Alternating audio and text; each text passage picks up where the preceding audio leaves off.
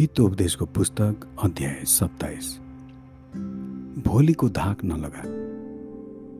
किनभने एकै दिनमा के आइपर्ला भन्ने तँलाई थाहा हुँदैन।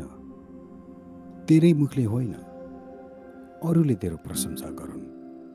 तेरै ओठले होइन कोही अरूबाट होस्। ढुङ्गा गरौँ हुन्छ र बालुवा वजनदार तर मूर्खको उत्तेजना ती दुवैभन्दा अझ गरौँ हुन्छ। क्रोध निर्दयी हुन्छ र झोक चाहिँ अत्यधिक। तर डाहको सामु को खडा हुन सक्छ?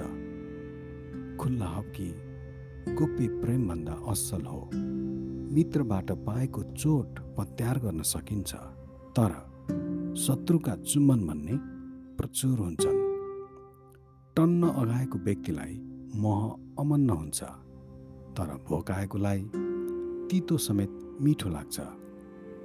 आफ्नो गुणबाट भट्किएर निस्किएको चरा झैँ आफ्नो घरबाट भट्किएर निस्किएको मानिस हुन्छ। अत्तर र धुपले मनलाई हर्षित पार्छ र मित्रबाट पाइने मिठास उनको साँचो सल्लाह हो। आफ्नै मित्र र आफ्ना बुवाको मित्रलाई नत्याग र तँलाई विपत्ति आइपर्दा आफ्नो दाजुभाइको घरमा नजा किनभने नजिकको छिमेकी टाढाको दाजुभाइ भन्दा बेस हो। हे मेरो छोरा बुद्धिमान बन र मेरो हृदयलाई आनन्दित तुल्या। तब मलाई हेलचेक्राइको व्यवहार गर्ने जोसुकैलाई पनि म जवाफ दिन सक्नेछु। बुद्धिमानले खतरा आइरहेको देख्छ र कतै शरण लिन्छ तर सोझो चाहिँ त्यतैतिर जान्छ र दुःख भोग्छ। अपरिचितको जमानी बस्नेको लुगा पनि खोस् यदि त्यसले स्वेच्छाचारी स्त्रीको खातिर त्यसो गरेको भए त्यो धरोटी राख। कसैले आफ्नो छिमेकीलाई एका बिहानै चर्को स्वरले आशिष दिन्छ भने त्यो त श्रापो बन्छ। झगडिया पत्नी वर्षाको दिनमा एकहोरो तप तप चुहुने झरी जस्तै हो। त्यसलाई बसमा राख्नु बतासलाई बसमा राख्नु बराबर हो। अथवा हातले तेल अठ्याउनु जस्तै हो।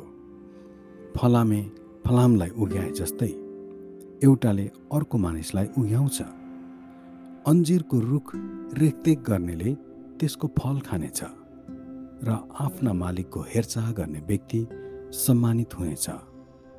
पानीमा अनुहार प्रतिबिम्बित भए झैँ मानिसको हृदयमा मानिस प्रतिबिम्बित हुन्छ। मृत्यु र विनाश कहिल्यै तृप्त हुँदैन। न त मानिसका आँखा नै सन्तुष्ट हुन्छन्। चाँदी पगाल्ने भाँडो र सुन खार्ने आरन हुन्छ। तर आफूले पाउने प्रशंसाबाट मानिस जाँचिएको हुन्छ। मूर्खलाई खलमा हालेर पिधे पनि त्यसलाई जाँतमा अन्न राखेर पिधे झैँ गरे पनि। तैँले त्यसको मूर्खता त्यसबाट हटाउने छैनस्। तेरा भेडाहरूको अवस्था राम्ररी थाहा गर। आफ्नो बगालप्रति सावधानीपूर्वक ध्यान दे किनभने धन सम्पत्ति त सधैँभरि रहँदैन र मुकुट पनि सबै पुस्ताका लागि सुरक्षित रहँदैन। जब पराल हटाइन्छ र नयाँ पालुवा देखा पर्छ र डाँडा पाखाहरूबाट घाँस बटुलिन्छ तब भेडाहरूले तँलाई लुगा जुटाइदिन्छन् र खेत किन्ने रकम बाख्राहरूबाट आउँछ। बाख्रीको दुध तँ र तेरो परिवारलाई खान चाहे जति पुग्नेछ र तेरा नोकर्नीहरूलाई पोषण हुनेछ। आमेन।